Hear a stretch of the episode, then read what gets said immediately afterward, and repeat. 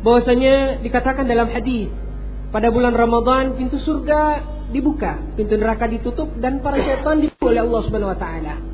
Tetapi kenapa kenyataannya kita lihat juga toh pada bulan Ramadan terjadi kesesatan, terjadi maksiat dan pelanggaran-pelanggaran terhadap syariat Allah Subhanahu wa taala padahal pada itu setan telah dibelenggu oleh Allah Subhanahu wa taala. Fala tafaddal mashkura. Alhamdulillah.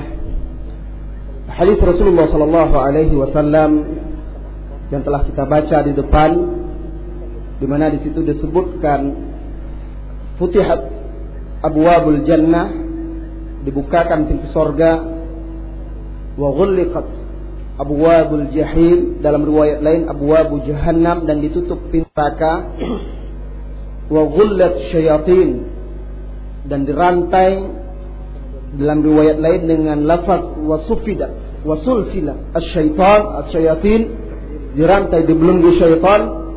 Para ulama ulama yang mensyarah hadis ini di antaranya Imam Muslim dan lain-lainnya termasuk juga Ibnu Rajab menjelaskan makna hadis ini sesuai dengan zahirnya. Sesuai dengan zahirnya pintu sorga dibuka pintu neraka ditutup dan syaitan dibelenggu sesuai dengan zahirnya. Yang kita pahami bagaimana kita memahami dibuka berarti terbuka Tertutup berarti tertutup. Dan begitu juga dibelenggu. Lantas pertanyaan Ustaz, kalau memang syaitan dibelenggu, lantas kenapa masih ada juga maksiat, maksiat di bulan Ramadan? Kenapa masih saja ada orang yang berbuat dosa di bulan suci Ramadan? Hadirin, kaum muslimin, jangan bukankah Allah berfirman di surat An-Nas kita diperintahkan berlindung dari bisikan-bisikan jahat godaan-godaan syaitan. Min syarril waswasil khannas. Lalu minal jinnati wan nas min syarril waswasil khannas dari keburukan. Bisikan-bisikan al khannas minal jinnati wan nas yaitu dari jin dan manusia. Manusia ada yang jahat sebab mereka memiliki hawa nafsu. Hawa nafsu. Dan hawa nafsu itu salah satu jenis hawa nafsu yaitu nafsu nafsu ammar bisu.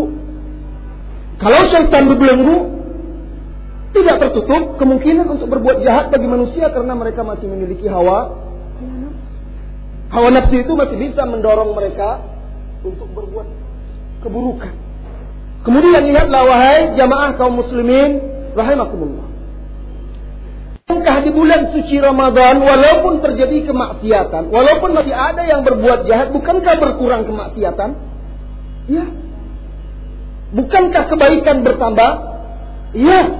Ini menunjukkan maknanya syaitan memang terbelenggu.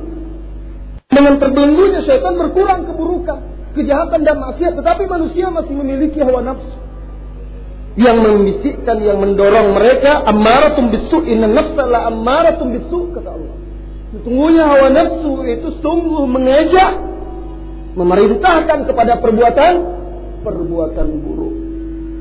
Dan jin-jin di hadis itu disebutkan yang dibelenggu adalah syaitan. Syaitan itu jenis jin-jin yang kafir. Tetapi muslim yang lainnya atau jin-jin yang lainnya yang jahat masih tetap ada. Mereka juga berpuasa seperti kita. Yang muslim beribadah seperti kita. Tetapi yang jahatnya juga akan membawa orang lain kepada kepada perbuatan buruk sebagaimana manusia yang tidak baik mengajak manusia yang lainnya juga berbuat buruk. Allahu a'lam.